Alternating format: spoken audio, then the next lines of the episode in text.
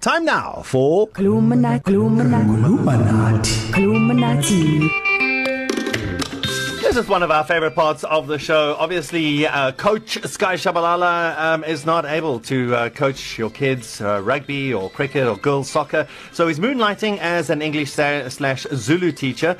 Ooh, teacher Sky Shabalala takes an English sentence or phrase or word and teaches us how to say it in Isi Zulu.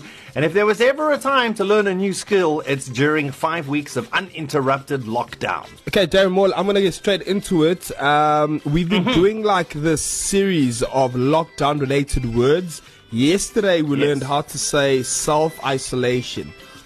Ukuqhinqa ngawedwana ukuqhinqa I was practicing it the whole of yesterday's guy Shabalala ukuqhinqa ngawedwana 100% 100% sir. And then yes. during the show yesterday I got Yes, during the show yesterday, I got a message from Nori Williamson, who is like uh, Olympics journalist, running journalist. So I think he wanted me to teach this phrase because people are not doing this on the roads when they're running. Okay.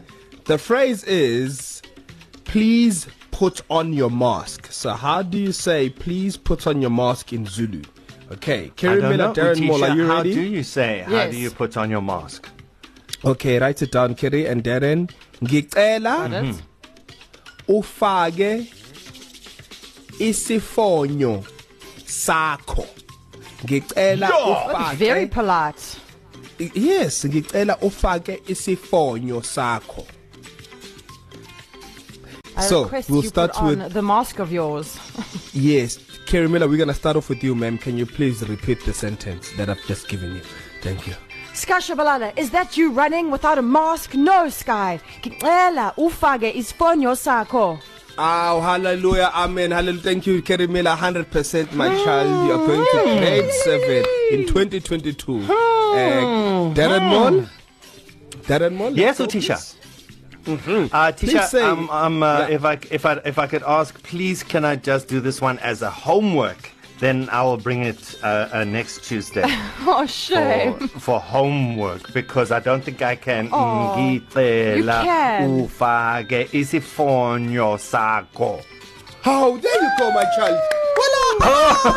Oh, I'm still gonna homework. I'm gonna homework this, and then before you know it, I'm gonna say it effortlessly and seamlessly and fluidly without all of the staccato stuff. Listen, I think you should go and learn that. Everyone should know how to say please put your mask on on all the official languages. And all the other Columinati words are also available on podcast on our website. You go to ecr.co.za, click on East Coast Breakfast. East Coast Breakfast. Darren, Kerry, and Sky.